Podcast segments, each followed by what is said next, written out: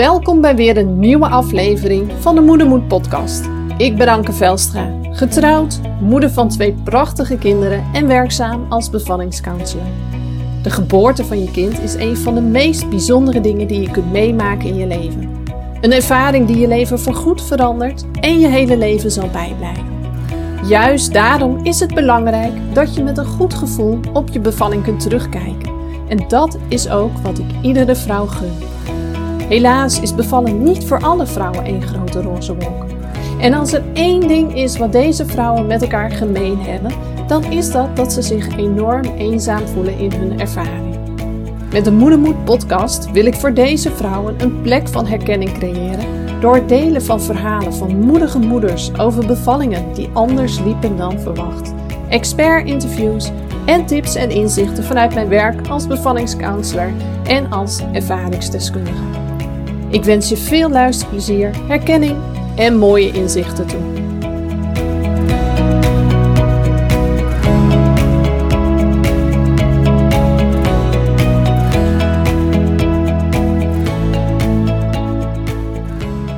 Hey, hoi, wat leuk dat je er weer bent bij weer een nieuwe aflevering van de Moedermoed podcast. Uh, vandaag is het officieel mijn werkdag, maar ik ben thuis. En in die zin, ik ben niet in mijn praktijk. Ik ontvang vandaag geen, uh, geen cliënten. Ik uh, werk wel wat uh, op de achtergrond. ik had vanochtend een vriendin op bezoek die nou, voor een lastige overweging staat. Dus ik heb met haar nog even een gesprek gehad en wat matjes neergelegd. Um, maar waarom ben ik thuis vandaag? Omdat ik gisteren naar Nijmegen ben geweest. Ehm, nou, dat is uh, vanuit Leeuwarden toch wel een behoorlijk stuk rijden. Uh, voor een kleine ingreep uh, aan mijn uh, linkerpink. Ik rommel eigenlijk al meer dan vijf jaar met die pink. Ruim vijf jaar geleden ben ik met mijn man op huwelijksreis geweest naar Thailand. en voordat je denkt, oh, zijn jullie nog maar zo kort getrouwd? Nee, we zijn uh, ja, we zijn nog niet zo heel lang getrouwd, maar we zijn al heel, heel lang bij elkaar, al, uh, al meer dan 17 jaar. Uh, maar we zijn pas op latere, later in onze relatie, zeg maar, zijn we getrouwd. En een jaar na ons huwelijk zijn we op huwelijksreis geweest. En in Thailand heb ik hoogstwaarschijnlijk, ja, wie zal het zeggen, door het zwembadwater of wat dan ook, en een, een wondje aan mijn nagelriem heb ik een ontsteking opgelopen. Uh, en dat werd uh, met de week zeg maar uh, steeds erger. En ik heb op Schiphol toen het landde nog een afspraak gemaakt bij de huisarts. Van nou, ik kom zo naar Leeuwarden en ik moet gezien worden. want dit gaat niet goed. Dus toen heb ik gelijk ook een dikke antibiotica kuur gekregen. En eigenlijk ben ik sindsdien blijven rommelen met die pink. De nagel liet helemaal los, die verkleurde helemaal. de vingertop werd steeds dikker en dikker. En eigenlijk heb ik de godganse dag het gevoel of uh, die pink ontstoken is. Um, nou ja, goed. Uh, tig keer bij de huisarts geweest. Uh, salfjes, antibiotica salfjes, weet ik veel wat allemaal. Naar de dermatoloog. Die heeft een biopsie gedaan van de, van de nagel. Nee, geen schimmel. Nou ja, maar wat is het dan wel? Ja, weet ik niet. Zoek het maar uit. Nou, toen weer een poosje aangekeken. Weer naar de huisarts geweest. Nou, verwezen naar een andere dermatoloog. Nou, die heeft er echt heel veel aan gedaan, verschillende dingen uitgeprobeerd. Uh, maar het werd allemaal niet beter en beter. En toen zei ze van ja, ik kan twee dingen doen. Of uh, ik kan hier een, een verder naar de diepte nemen.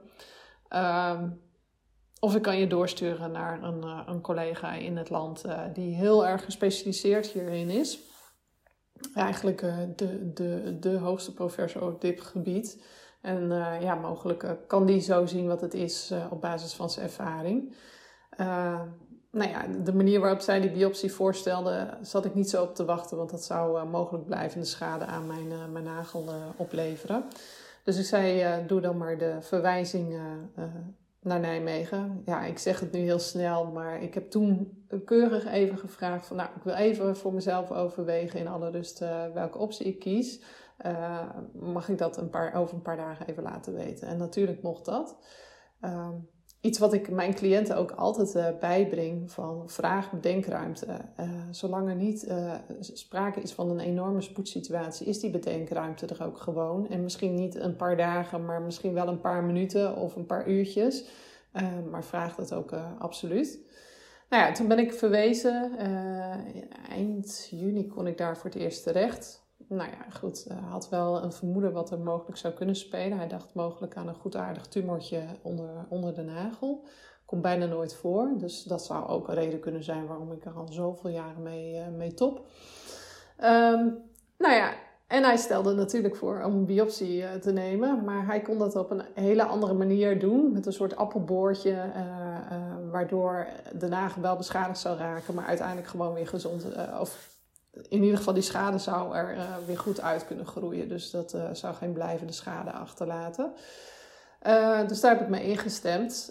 En er zat even tijd tussen, want ik stond een behoorlijke periode in de zomer als, als doula op wacht. Ja, om dan even van Leeuwarden naar Nijmegen te gaan, dat, dat was niet zo heel handig. Dus we hadden het gepland zeg maar na mijn, mijn wachtperiode. en dat was me goed ook, want ik heb uiteindelijk in die periode, en dat wist ik toen nog niet, toen we de afspraak maakten, heb ik uiteindelijk vijf bevallingen gedaan. dus dat was behoorlijk wat. En nou ja, gisteren moest het dus wezen. Dus ik ben naar, naar Nijmegen toe gegaan. Uh, sinds de geboorte van mijn zoon, daar, daar heb ik niet aangeboren hersenletsel overgehouden. Gaat gelukkig heel erg goed sinds mijn behandeling naar Amerika. Maar lange stukken autorijden is voor mij nog steeds wel lastig. alles zo binnen een uur, dat, dat gaat op zich wel weer prima. Zeker als ik mijn bril opzet. maar daarboven is het voor mij behoorlijk lastig. Uh, maar ja, goed, wat ik toen nog niet kon, kan ik misschien nu wel weer. We zijn bijna twee jaar verder na die behandeling in Amerika. En zo nu en dan moet je jezelf ook een beetje testen van waar sta ik nu. Uh, dus ik had zoiets van, mijn man uh, ging mee, want ik mocht sowieso niet zelf terugrijden. nou, ik zei, laat mij maar heen rijden, dan gaan we wel kijken hoe het gaat. Nou, ik heb het gered. Uh, tot aan Nijmegen, maar ik ben wel over mijn grens gegaan. Eigenlijk kon het nog net niet, zeg maar. En dan merk je, dan, dan zit je al op je, op je tax en dan ga je nog zo'n drukke stad in, dat, waar je de weg niet goed kent. Uh, en overal fietsen ze en weet ik veel wat voorbij. Nou, toen was ik wel wat overprikkeld. En toen maakte mijn man ook nog een opmerking over dat ik niet doorreed. Maar ik hoorde uh, een sirene. Eh, en ik zag zo snel niet waar die vandaan kwam. Dus ik wilde eerst kijken waar die vandaan kwam voordat ik hem weg zou opdraaien. Dus die heb ik uh, heerlijk afgeblaft op dat moment. Uh, gelukkig weet hij dat dat kan gebeuren als je, als je wat overprikkeld bent, ongeacht wat de oorzaak is. Dus daarna heb ik ook keurig zorg gezegd en was het ook klaar. Maar ja, dus dat, ik heb het gedaan, maar eigenlijk kon ik het nog net niet helemaal. Maar ja, alles wat nu nog niet lukt, uh, dat hoeft niet voor eeuwig zo te zijn. En misschien lukt het me over een paar maanden wel en gaat het dan wel heel goed.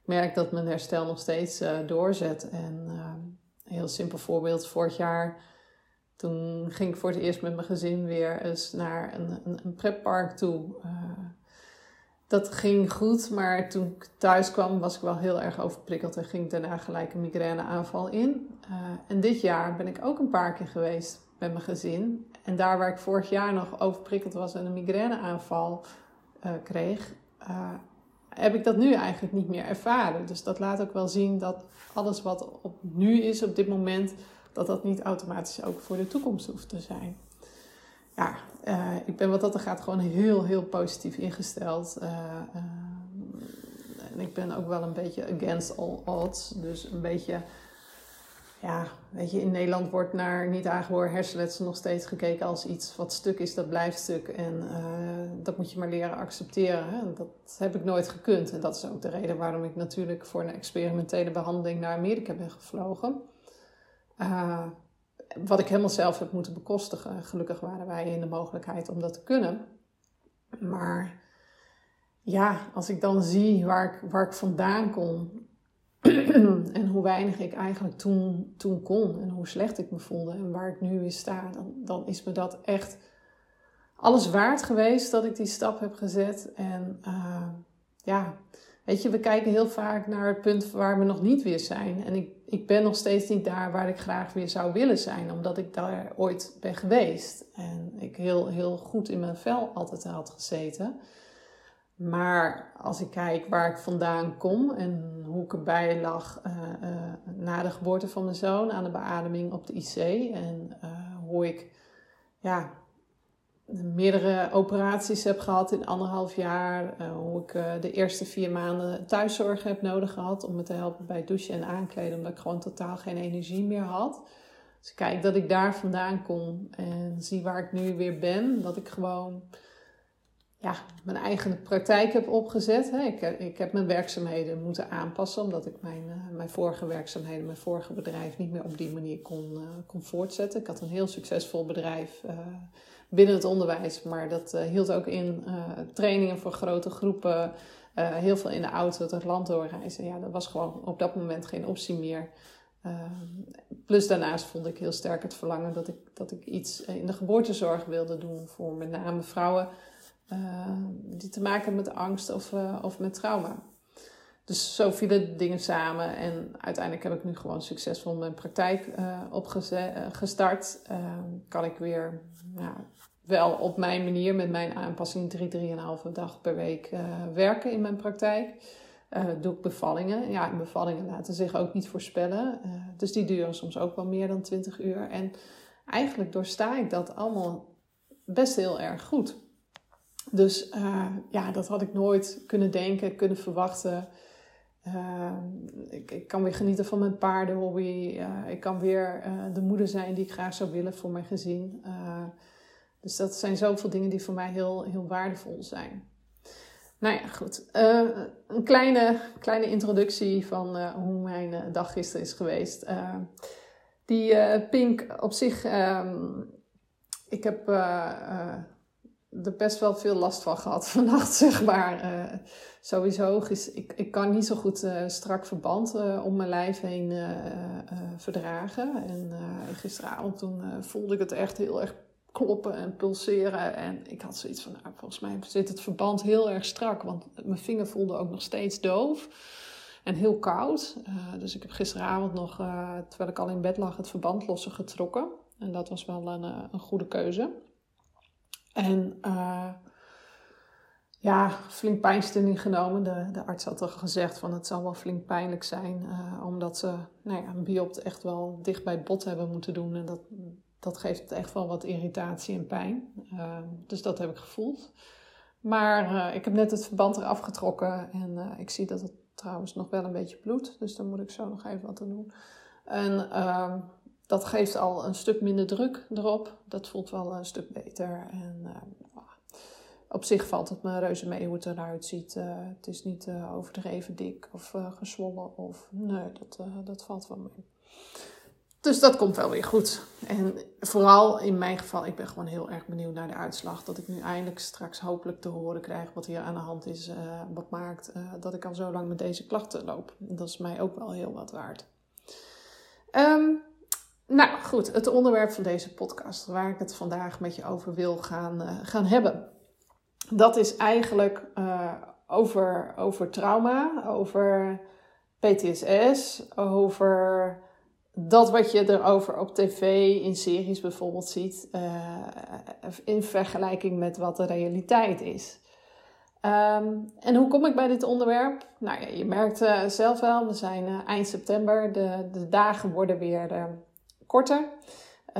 Het weer wordt ook slechter. Ik kijk op dit moment naar buiten en de ene stortbui naar de andere stortbui komt voorbij. Het is kouder. Ik heb zo net voor het eerst even de kachel een beetje aangezet. Um, en wanneer, het seizoen verandert, veranderen vaak ook je, je bezigheden, zeg maar, daarmee. Daar waar ik in de zomer altijd heel erg veel en graag buiten ben, lekker wandelen s'avonds en heel actief ben merk ik dat wanneer het seizoen omslaat, ik meer behoefte heb aan een beetje cocoonen, warmte, uh, lekker relaxen op de bank met een dekentje het liefst en een potje, potje thee naast me. En um, wat ik in die periode altijd graag doe samen met mijn man is series kijken. Ik ben echt gek op series kijken. We hebben er ook al echt heel, heel wat verslonden. Um, en we zijn ook constant op zoek naar, uh, naar nieuwe series uh, die echt de moeite waard zijn. Dus uh, mocht je tips hebben, laat het vooral weten. Dat vind ik, vind ik superleuk. Stuur me dan gerust een berichtje. Um, en wat eigenlijk, we zijn begonnen in een serie die kreeg mijn man getipt door een aantal collega's. Ik weet nog niet helemaal wat ik ervan vind.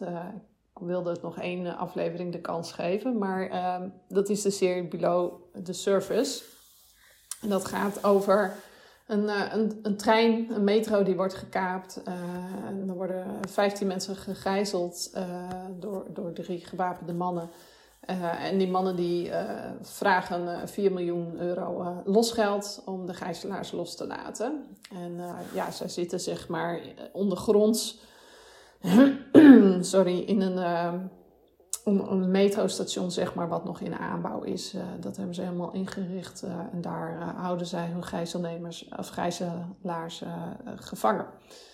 En um, natuurlijk wordt er een, een, missie opgestart hè, om die gijzelaars te, te, bevrijden. En die missie die wordt geleid door een persoon die zelf ooit gegijzeld is geweest. En alles wat je ziet van deze persoon in deze serie duidt erop dat deze persoon nog een ernstige PTSS heeft.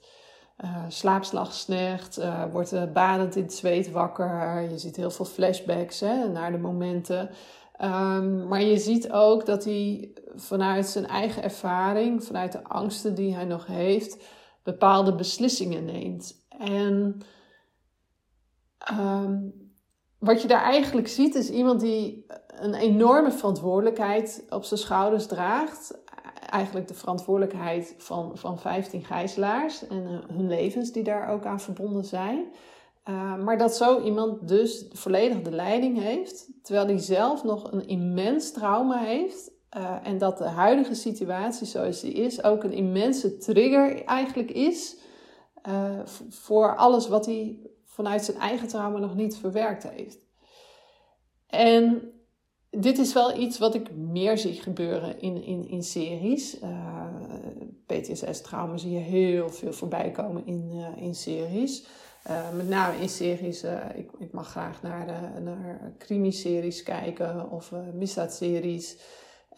En heel vaak zie je dan toch wel dat, dat bij de hoofdpersoon, bij een, een, een agent bijvoorbeeld, toch een trauma speelt door iets wat hij of zij heeft meegemaakt.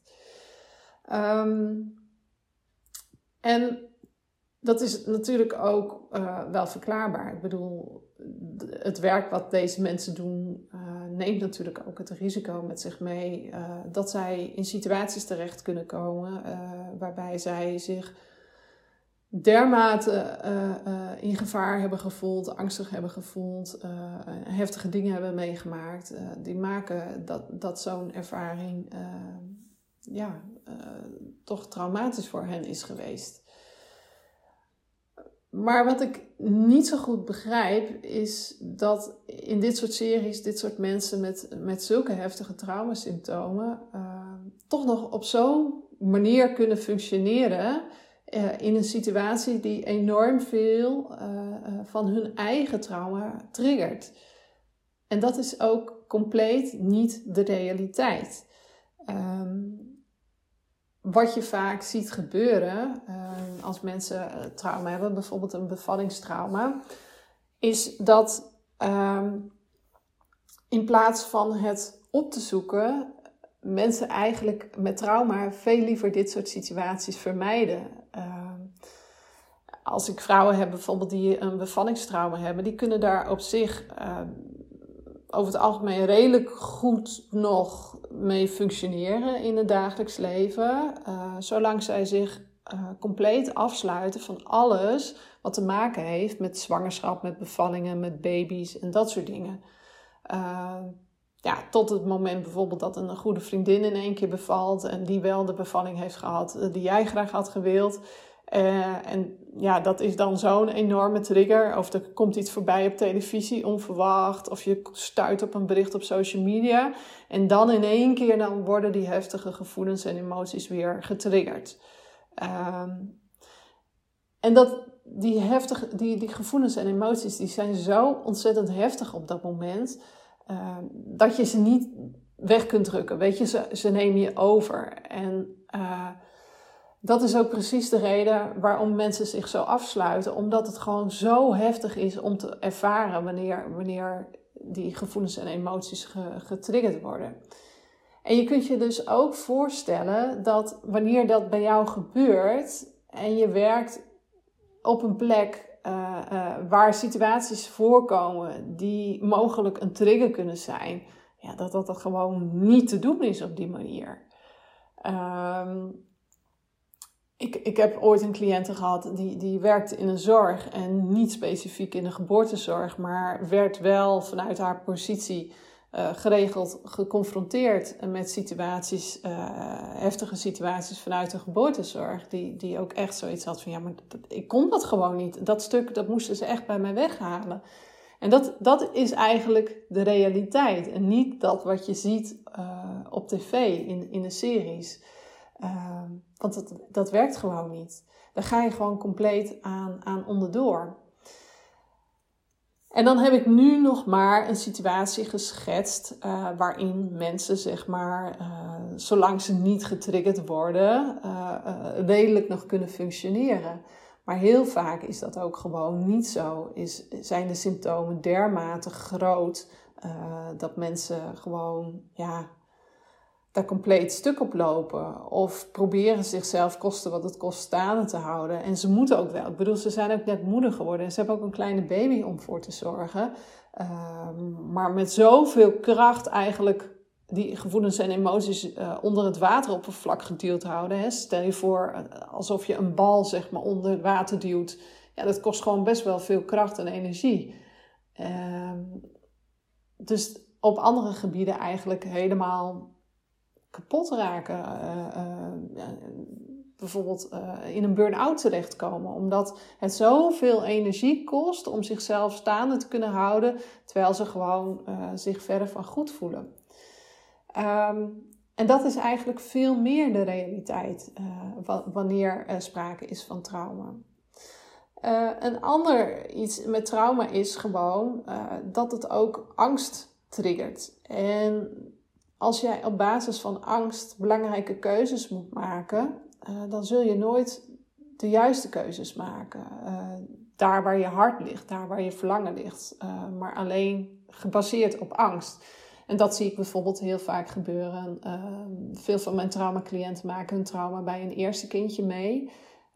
en hebben ten diepste nog echt wel een kinderwens. Uh, maar zijn zo verschrikkelijk bang uh, dat het allemaal weer op deze manier zou gaan lopen, dat ze het gewoon niet aandurven. En zolang het trauma nog actief aanwezig is in je, zul je ook nooit een, een, een, een, een keuze vanuit je hart, vanuit je verlangen kunnen maken. Uh, maar maak je een keuze gebaseerd op de angst, veroorzaakt door het trauma wat er dan onder zit. Dus als, als mensen zeg maar uh, uh, twijfelen over nog een kindje en er zit actief trauma nog waar je nog niet aan hebt gewerkt door de vorige bevalling, is dat ook altijd een van de dingen die ik zeg. Dat moet je als allereerste gaan doen. Zorg dat het trauma weg is, zodat je niet vanuit trauma een keuze maakt voor de rest van je toekomst, um, maar dat je dat kunt kalmeren, rustig kunt maken en dat je echt kunt kijken, ja, maar wat is nu het verlangen en wil ik dit nu echt of niet? Um, en dat, dat is een hele, hele andere keus. Uh, maar je wil niet weten hoeveel mensen uh, toch dat trauma niet actief te lijf zijn gegaan en het uiteindelijk maar bij één kindje hebben gehouden. maar daar later toch altijd iets bij voelen van ja, ik had toch eigenlijk heel graag nog een kindje gewild, maar ik heb het niet gedaan vanwege, vanwege trauma. Nou ja, goed. Um, dus ik, wat ik eigenlijk met deze podcast, met dit onderwerp uh, probeer te zeggen, is dat wat je op tv ziet over dat mensen op zo'n niveau met zoveel verantwoordelijkheden in een situatie kunnen werken die heftige gevoelens, raakvlak heeft met hun eigen trauma en heftige gevoelens en emoties triggert, dat is niet de realiteit. De realiteit is dat wanneer dat gebeurt, uh, dat je erbij weg wilt. Dat je jezelf wil afschermen voor dit soort situaties, omdat het gewoon te heftig is om dit mee te moeten maken. En dat, dat kan je helen. Ik bedoel, als je je trauma goed verwerkt, uh, dan doof je eigenlijk die, die triggers uit. Um, en kun je daarna prima functioneren in, in een situatie uh, uh, die raakvlak heeft met datgene wat voor jou ooit ook traumatisch is geweest. Hè, ik bedoel, ik, ik, ik werk nu ook als, als doula. Ik ben ook aanwezig bij, bij bevallingen. Terwijl ik ook bij de geboorte van mijn oudste, inmiddels bijna 12 jaar geleden, een bevallingstrauma heb opgelopen. Ehm, maar goed, het verwerkwerk heb ik zeg maar uh, al, al jaren geleden daaromtrent gedaan. Ehm, dat heeft er ook mede voor gezorgd. Alle kennis en ervaring die ik toen al had rondom het onderwerp. Want ja, dat heeft er ook voor gezorgd dat ik een soort trauma-nerd ben geworden. Uh, uh, dat de tweede bevalling, ondanks dat die medisch gezien heel heftig was, eigenlijk geen trauma heeft achtergelaten. Wel een rouwproces natuurlijk. En ook daar vond ik dat ik eerst zelf helemaal doorheen moest gaan voordat ik andere mensen kon helpen. Uh, hè, dat je schoon kunt werken, zeg maar. En niet dat, dat jouw ervaring nog uh, ja, doorvloeit in, in, in de stukken die een ander heeft uit te werken. Dat noemen we met, uh, nou ja, laten we het in de therapeutenwereld eh, de begrippen uh, overdracht en tegenoverdracht uh, noemen en projectie. Dus dat je eigenlijk jouw eigen gevoelens, jouw eigen emoties, jouw eigen angsten projecteert op de ander. En dat, dat kan gewoon niet. Dat, dat zijn twee verschillende dingen. Maar dat is wel precies wat je dus ook ziet in die, die televisieseries. Dat uh, eigenlijk hun eigen traumastuk een, een projectie wordt in, in, in de situatie of in de casus waarin ze aan het werk zijn. En ja, dat is gewoon geen, uh, geen realiteit. Um, en ja, als je dus gewoon goed je trauma verwerkt en daar echt oprecht mee aan de slag gaat, dan kun je dus gewoon daarna wel prima functioneren in dit soort situaties. Zonder dat je keihard hoeft te werken om al die gevoelens en emoties te onderdrukken. Uh, maar kun je er gewoon vrij in bewegen. En dat, dat is zo waardevol. Ehm, en ik heb zelf natuurlijk ook uh, in de bevallingen die ik tot nu toe heb gedaan, de nodige testen gehad. Uh, ik, ik heb iemand gehad die toch wel uh, een kleine fluxus heeft gehad na de bevalling. Ehm, nou ja, ik heb zelf een enorme fluxus gehad van 5,5 liter. Um, triggerde niks.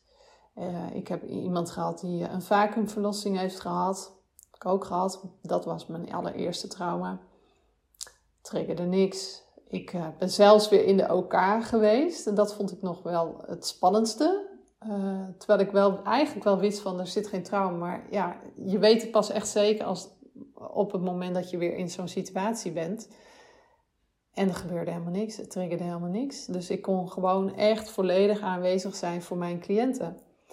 En dat laten zien dat, dat goed herstel van trauma echt wel mogelijk is. Uh, zolang je maar niet ervoor weg blijft lopen. En niet jezelf blijft afschermen, maar gewoon zoiets hebt van ja, ik, ik ga hem gewoon nu aan. En heel veel mensen hebben nog steeds het idee dat je daarvoor naar de huisarts moet, dat je een verwijzing nodig hebt, dat je drie maanden op een wachtlijst moet bij een psycholoog, dat het langdurige trajecten zijn. Ja, dat, dat is één weg hoe je zou kunnen aanvliegen. Um, ik heb er duidelijk voor gekozen om een andere weg uh, uh, daarvoor te creëren. Uh, een weg waar geen verwijzing nodig is van de huisarts. een weg um, waar geen wachtlijsten zijn van drie maanden, omdat de doorlooptijd bij mij heel snel is. Hè, omdat ik kortdurige trajecten aanbied, kan ik ook sneller mensen zeg maar helpen. En gewoon kortdurende trajecten van drie hooguit vier sessies en dan ben je er gewoon klaar mee. Uh, en die sessies plannen we ook uh, vrij kort op elkaar. Dus dat je echt in een maand, een ruime maand, uh, in principe je, je hele stuk verwerkt hebt. Um, dat is dus ook een optie. Zo kan het ook. En ja, op dit moment uh, wordt mijn traject niet vergoed vanuit de zorgverzekeraar. Het is wel iets waar ik uh, mee bezig ben, maar dat is iets uh, wat, wat nog wel een, een langdurig iets is. om te kunnen voldoen aan alle regeltjes en eisen en bureaucratie. En dat heeft me ook best wel heel lang tegengestaan. Maar omdat ik wel een, een, een ieder uiteindelijk een kans wil geven om ook nou, gebruik te kunnen maken van mijn hulp, heb ik toch besloten om, om dat aan te gaan. Uh, maar dus niet voor nu.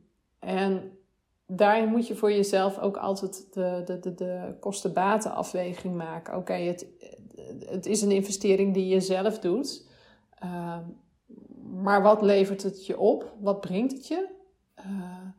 En als je niet, het niet doet of de andere route zou lopen en op een wachtlijst van drie maanden bijvoorbeeld terecht zou komen, wat zou dat je nu nog steeds kosten dan, die drie maanden? Waar gaat het dan nog steeds drie maanden lang ten koste van? Of dat je over twee weken zou kunnen starten? Nou ja, goed. Dat gaat waarschijnlijk ten koste van je relatie, van jezelf, van uh, uh, de band die je hebt met je kind, uh, je werk, je sociale leven, je gezondheid, nou, noem maar op. En dat zet je dus dan hè, nog drie maanden lang blijf je daarin zitten. Terwijl je ook gewoon, als je de andere route kiest en bereid bent om de investering in jezelf te doen, om dan gewoon binnen twee weken, meestal is twee, soms is drie, hangt een beetje vanaf hoe onze agendas matchen, om te kunnen starten. Uh, en uh, wat zou dat je nu al over twee weken gaan opleveren? In ieder geval geven mensen al aan dat ze gelijk na de eerste sessie al meer rust ervaren. En uh, dat het vooral ook heel prettig is geweest om je verhaal een keertje te hebben gedaan. Aan iemand die je gewoon volledig begrijpt en die gewoon echt naar je luistert. Uh, geen goed bedoelde opmerkingen maakt of adviezen geeft, maar ja, jou eigenlijk op een positieve manier bevestigt in je gevoel. Dat dat gevoel er mag zijn en dat het ook heftig is geweest wat je hebt meegemaakt. alleen dat gevoel is al heel erg fijn. Plus dat we in de eerste sessie al aan de gang gaan met, met diepe ontspanning van van je lijf, van je hoofd, van je zenuwstelsel. Um, en dat is ook al gewoon heel prettig. Hè? Als, zeker als je het gevoel hebt dat je de hele dag door aanstaat en over alert bent. dat je op deze manier eigenlijk daar al wat meer rust in kunt creëren. Nou, dat is hoe ik werk. Een beetje anders. Mocht je benieuwd zijn wat ik voor jou zou kunnen betekenen daarin. Want ik kan me voorstellen, dat heeft iedereen. En dat zou ik zelf net zo goed hebben als ik in jouw schoenen zou staan. Van uh, ja, maar wat betekent dit voor mij en wat kun je in mijn situatie doen? Hè? Want geen enkele situatie is daarin ook gelijk. Um, laat het me dan gewoon weten. Dan kunnen we gewoon eens even een vrijblijvende kennismaking uh, plannen. En dan reserveer ik eh, even een half uurtje voor je in mijn agenda. Kun je even bellen. Of als je in de buurt woont, kun je even langskomen. Of we kunnen zoomen, wat je maar prettig vindt. Uh, en dan kunnen we gewoon eens even kijken van... hé, hey, waar sta je nu? Dan kan ik nog wat extra verdiepende vragen uh, stellen... die mij en jou inzicht geven in ja, waar, je, waar je nu staat. Um, en dat is gewoon heel erg prettig. En soms kom ik dan ook wel samen met een, een, een potentiële cliënt tot de conclusie um, dat, dat het misschien wel meevalt, of dat het uh, nog gewoon even wat tijd nodig heeft, of soms ben ik niet de juiste persoon om iemand verder te helpen, maar heel vaak ook wel. Uh, en dan is het aan jou, voelt het goed of voelt het niet goed? En beide is goed, weet je, dat, uh, dat maakt niet uit. Nou ja, mocht je dat willen, stuur me dan gerust een, een berichtje. Via social media kun je mijn DM'tje zoeken. Als je zoekt op Anke Velstra, dan kom je me ongetwijfeld tegen. Uh, of je kunt me een mailtje sturen via contact.ankevelstra.nl. En uh, dan kunnen we op korte termijn een afspraak in plannen. Hey, dankjewel voor het luisteren weer. Ehm, ik hoop dat je hier voor jezelf wat uit hebt kunnen halen. En heel graag weer tot de volgende podcast.